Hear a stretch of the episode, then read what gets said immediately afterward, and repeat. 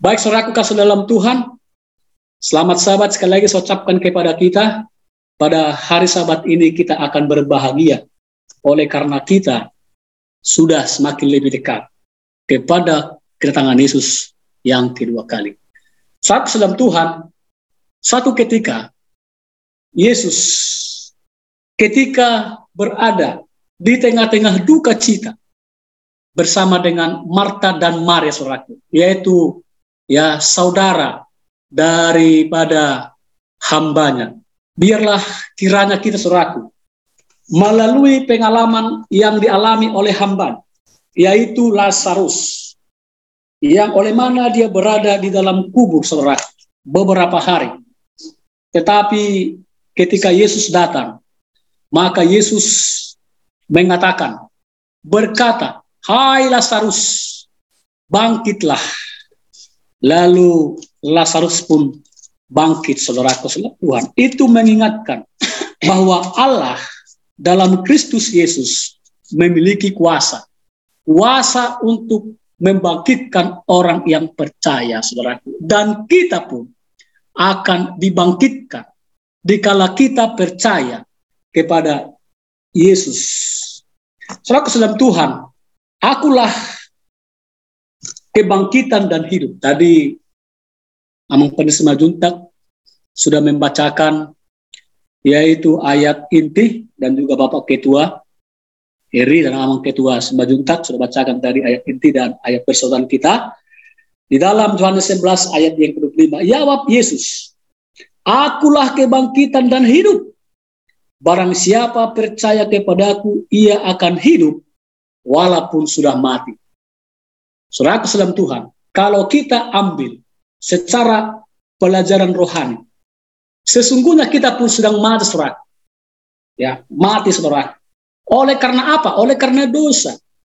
Jadi oleh karena kita mati karena dosa, maka kita perlu kuasa supaya kita boleh apa? Boleh mengalahkan kuasa dosa itu. Itulah kuasa Allah dalam Kristus Yesus melalui kuasa kebangkitan yang ditunjukkan melalui pengalaman daripada Lazarus. Saudara keselam Tuhan, yang kuhendaki ialah mengenal dia dan kuasa kebangkitannya dan persekutuan dalam penderitaannya di mana aku menjadi serupa dengan dalam kematiannya supaya aku akhirnya beroleh kebangkitan dari antara orang mati.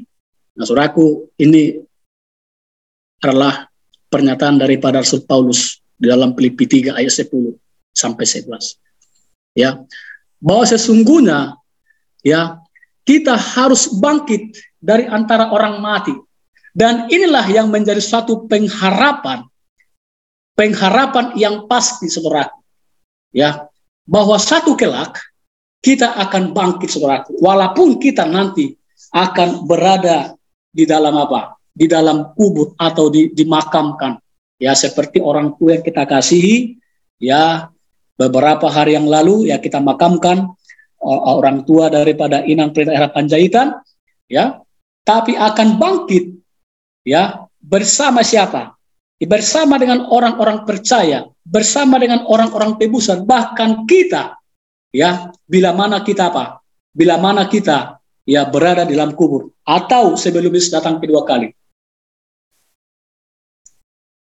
Semua manusia telah berbuat dosa. Ya, ini dituliskan lagi oleh Paulus dalam Roma 3:23. Semua manusia berbuat dosa. Ingat upah dosa adalah maut, adalah kematian, saudara.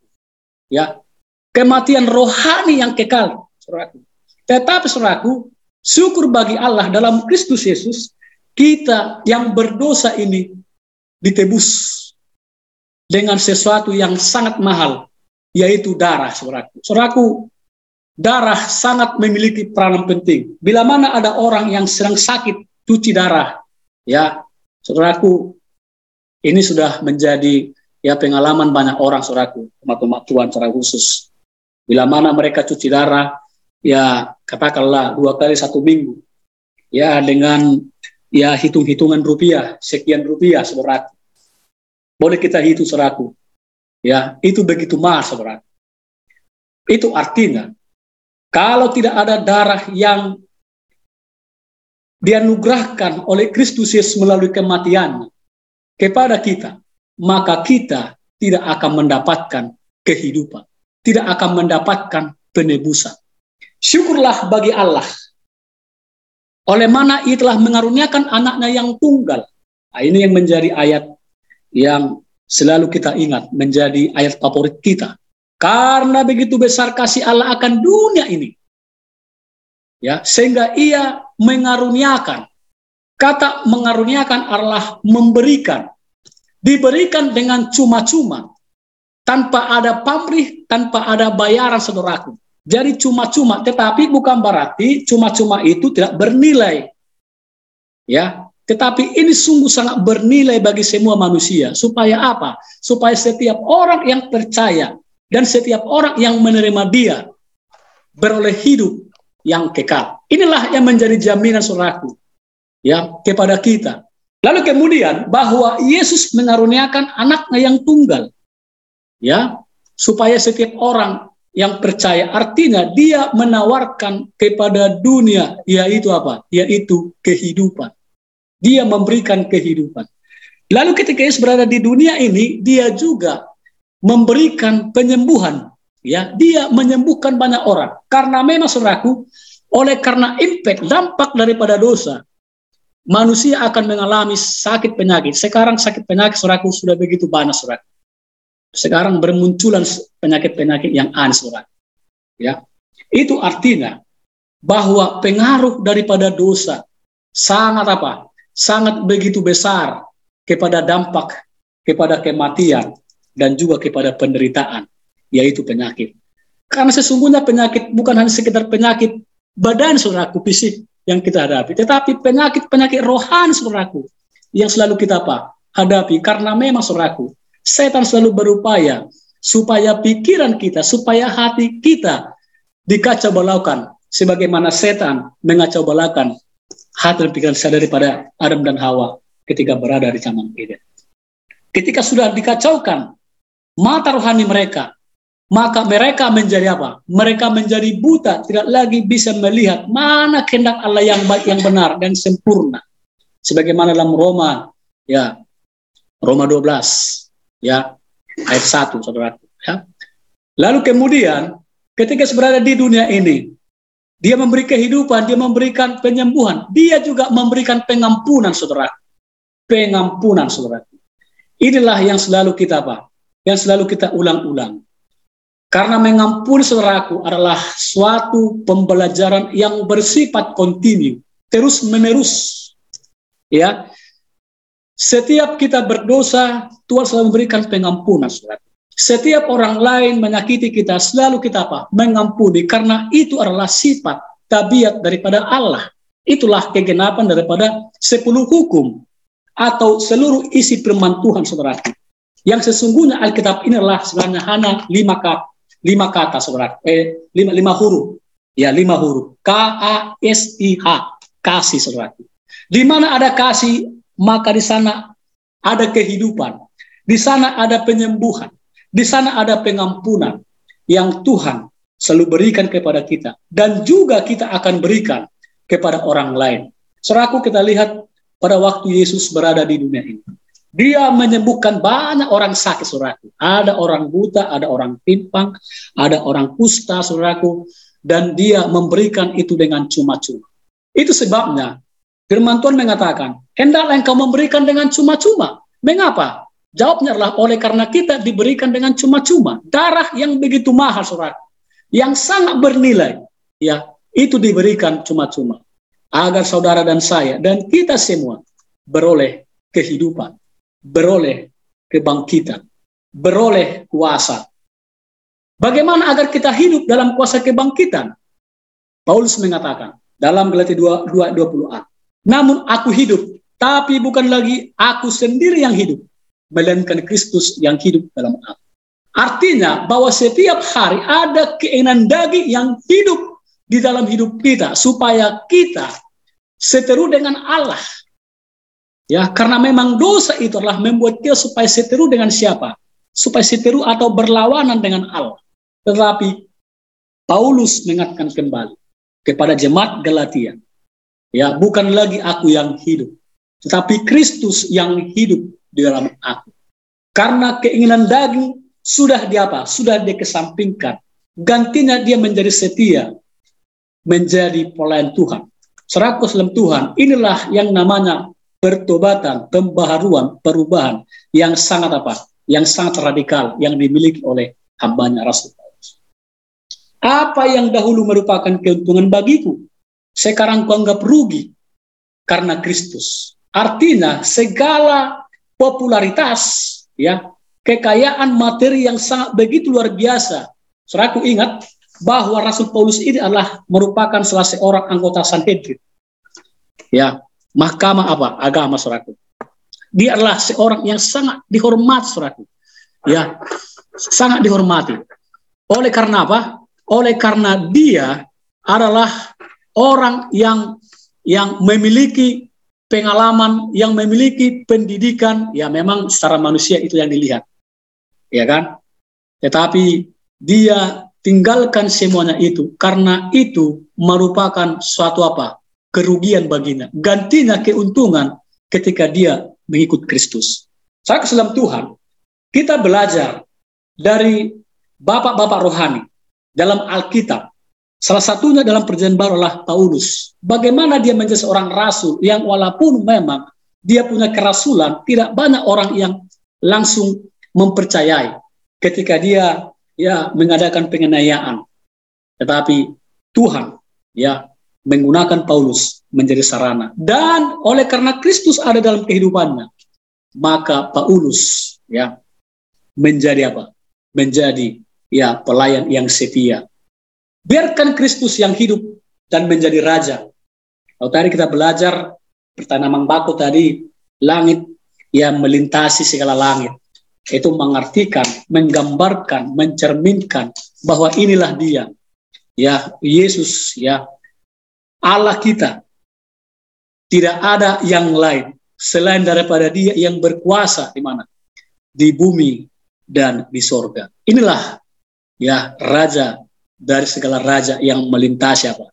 awan-awan. Biarkan Kristus ya hidup dalam diri kita. Singkirkan segala keangkuhan, kesombongan agar Kristus dapat menjadi nyata dalam hidup kita. Saya akan menyingkirkan segala kesombongan, keangkuhan ya supaya Kristus boleh apa? nyata di dalam kehidupan saya, di dalam kehidupan saudara dan di dalam kehidupan kita semua. Seraku dalam Tuhan. Inilah yang selalu kita renungkan setiap kita berada ya di dalam kehidupan kita, di rumah kita, di perjalanan kita, ya di mana pun kita selaku ingatlah bahwa kematian daripada juru selamat memberikan makna dan arti value bagi kita supaya apa? Supaya kita ya yang dari barang yang panah menjadi barang yang mahal. Kita yang ditebus oleh dosa dan kita tidak lagi apa? Tidak lagi bernoda dan bercacat celah. Kita diberi bukan dengan emas perak, saudaraku. Walaupun memang inilah didambakan oleh manusia di dunia, saudaraku. Bukan dengan barang panah, ya bahwa dia menebus diri kita. Ini suraku nyanyian suraku. Bukan dengan barang yang panah ya. Mungkin kalau ada kaset suraku boleh boleh diputar suraku.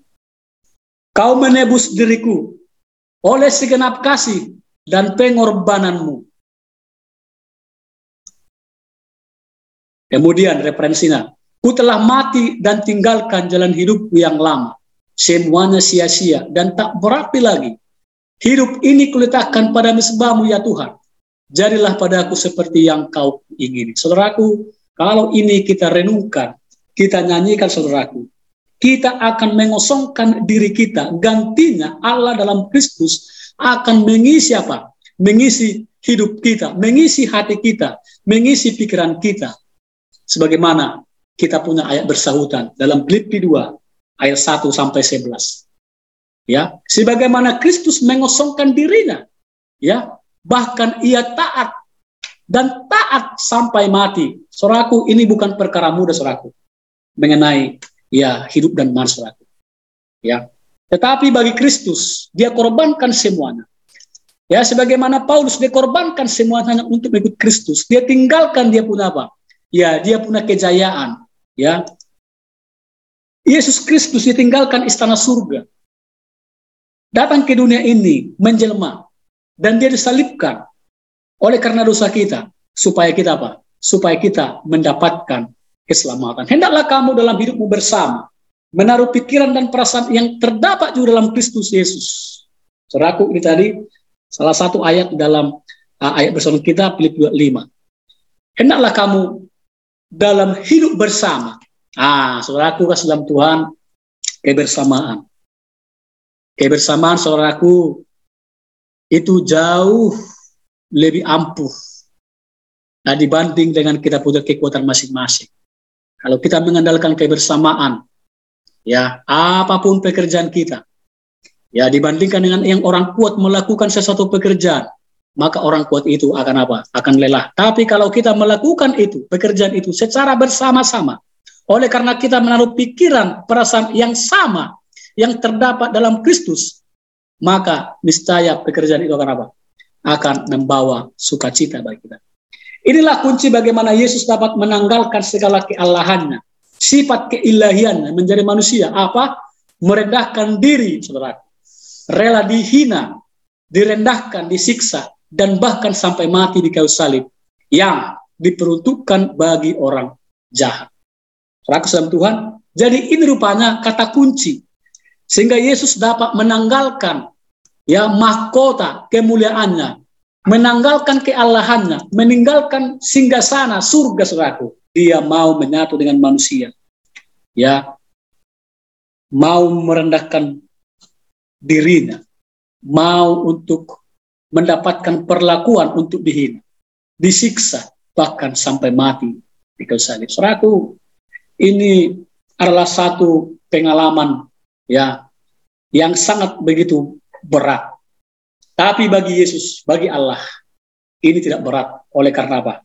Oleh karena itulah misi daripada apa? Daripada Allah dalam Kristus.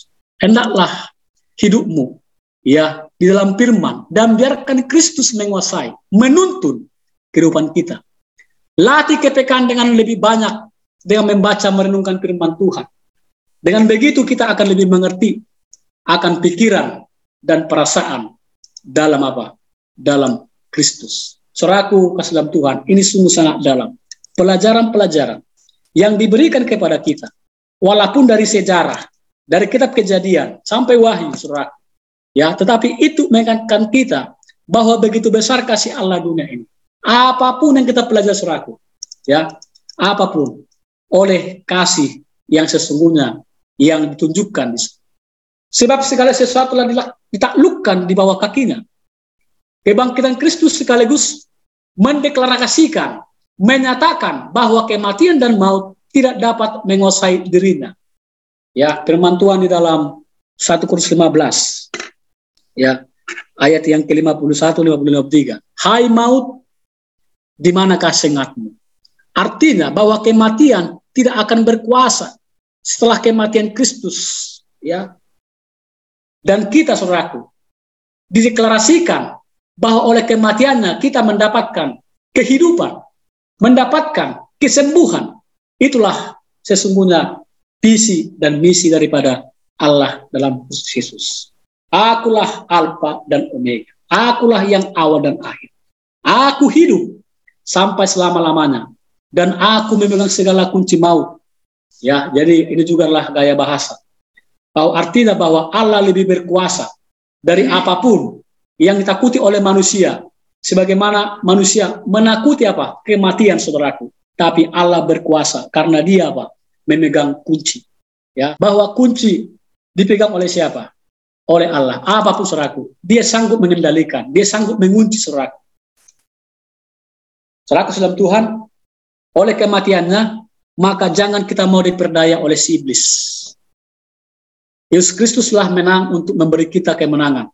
Cukup satu kali saja karya salib Kristus dan kita menjadi menang untuk selamanya. Arti suraku, jangan dua kali kesalibkan Yesus. Oleh karena kita punya dosa-dosa. Dosa bertambah dosa. Ya, akhirnya apa? Akhirnya menumpuk, saudara. Kalau kita punya utang, saudaraku, cepat-cepat saudaraku kita lunas, saudara. Dengan cara bagaimana? Saudaraku kita datang. Tuhan hanya mau supaya kita datang untuk memohon pengampunan. Ya, ya bagikan ada orang yang berutang dan berpiutang. Jadi ibaratnya kalau kita orang berutang, dia berpiutang kepada kita, maka mari saudaraku, kita apa? Cepat-cepat mengakui ya segala apa? Segala dosa-dosa kita. Dan aku mendengar suara yang nyaring dari surga berkata, sekarang telah tiba keselamatan dan kuasa dan pemerintahan Allah kita. Karena telah dilemparkan ke bawah pendakwa saudara-saudara kita yang mendakwa mereka siang dan malam di hadapan Allah. Wahyu 12 ayat 10. Saudaraku ini juga lah merupakan satu gambaran kepada kita. Ya, bahwa sesungguhnya setan akan selalu mendakwa saudara. Melihat segala kekurangan kita nanti. Bukan hanya di bumi saudaraku, di surga pun dan saudaraku. Ya, mereka akan katakan, oh itu hambamu itu, ya, orang kir banyak dosanya. Tapi katakan, benar, bahwa melakukan dosa, tetapi dia apa? Tetapi dia uh, mengakui di hadapanku, ibaratnya. Ya, seperti itulah bahasanya. Artinya, bahwa ketika kita didakwa, kita mengakui dosa kita, ya, lalu Allah yang akan membela kita dan pendakwa itu, iblis itu, ya, tentu akan selalu mencari-cari kita punya kesalahan. Tetapi tidak pernah bisa dapat kenapa kesalahan itu oleh karena Allah dalam Kristus Yesus mengampuni kita. Maut telah ditelan, kemenangan, hai maut, di manakah kemenanganmu? Di manakah sengatmu? Ya, 1 Korintus 15 ayat 54b sampai 55. Artinya bahwa kemenangan telah ditaklukkan oleh siapa? Oleh Yesus. Ya. Kebangkitan Kristus memberikan kepada kita keselamatan sekaligus kuasa untuk menjalani hidup ini sebagai pemenang. Jadi semua Allah sebagai pemenang. Ya. Mari meraih kemenangan dengan hidup berjalan bersama dengan Kristus sebagaimana hambanya Henok Elia ya bergaul bersahabat dengan Allah setiap hari dengan apa dengan pengalaman rohani belajar dari firman Tuhan membiarkan Tuhan ada dalam kehidupan mereka Saudara dalam Tuhan aku telah mengalahkan dunia Yesus pernah katakan ya bahwa aku telah mengalahkan dunia dengan apa yang menggunakan dengan kuasa kuasa daripada Allah. Bukan kekuatan dari diri sendiri, tapi kuasa daripada Allah. Supaya apa? Supaya semua orang memandang bahwa memang hanya kuasa Allah dalam Yesus dapat memberikan kemenangan kepada kita. Sebab semua yang lahir dari Allah mengalahkan dunia. Dan inilah kemenangan yang mengalahkan dunia, iman kita. Suraku, perjamuan kudus. Tentu bukan sekedar hanya uh, kita makan roti dan anggur untuk mengenal. Tapi kita kembali diingatkan agar kita memiliki iman.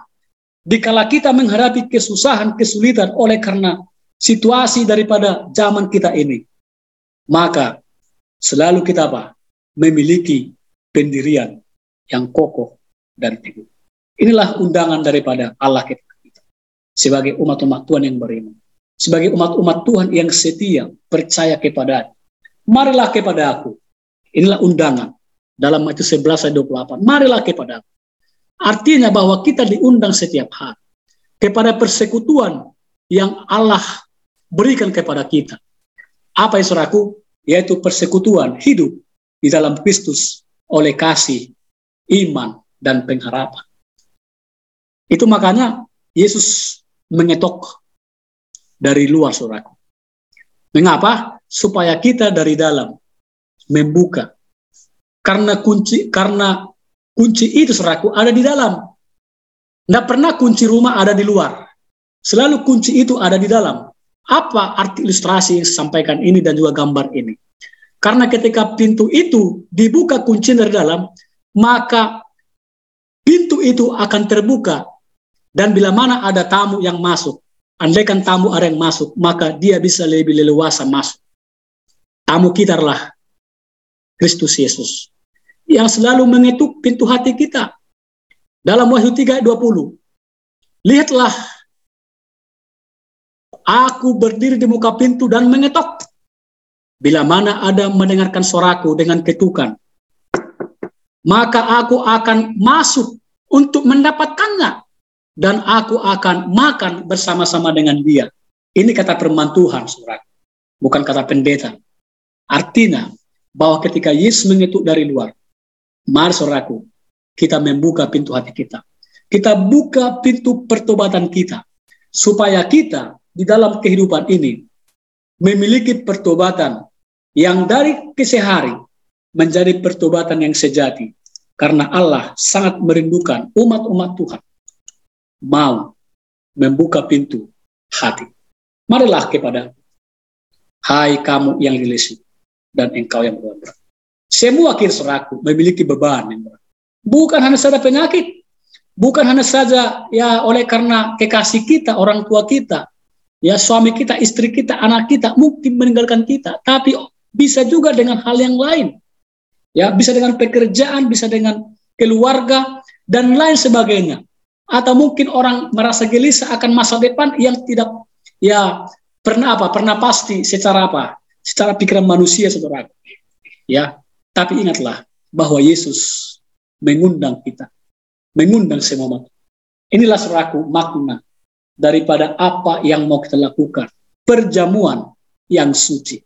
Ya, di mana kita suraku mengingatkan kita nanti akan mengadakan reuni besar-besaran. Ya, sebagaimana kata Ampun Mazuntak bahwa kami bulan 11 pendeta tanggal 16 November akan berangkat ke Siantar dengan dengan uh, uh, apa namanya dengan rencana ya dengan program reuni.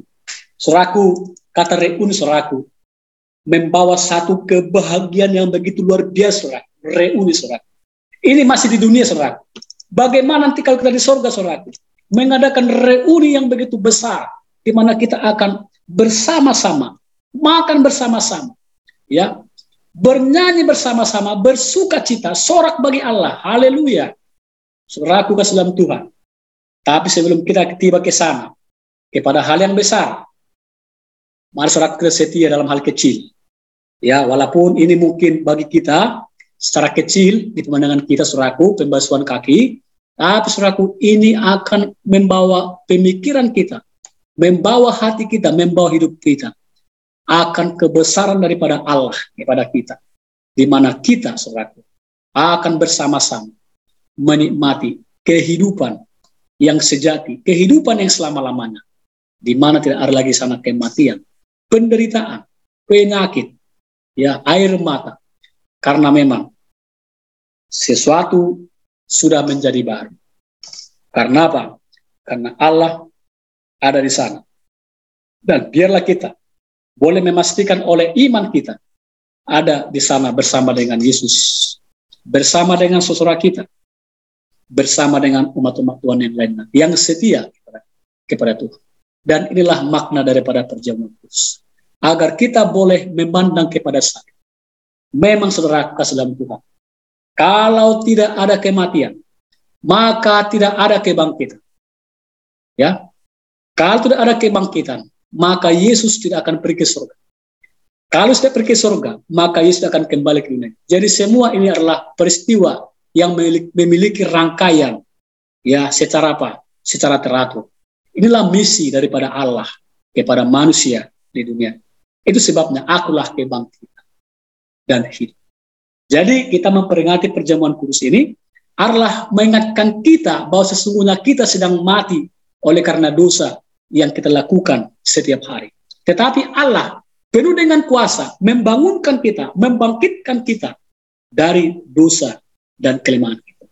Biarlah kita mengikuti perjamuan kudus dan sebentar lagi kita akan mengadakan pembasuhan kaki dan kiranya firman Tuhan ini hanyalah untuk kemuliaan baginya dan kita mendapatkan makna rohani, siraman rohani untuk menyegarkan menyuburkan kita punya kehidupan kerohanian agar setia dalam Tuhan.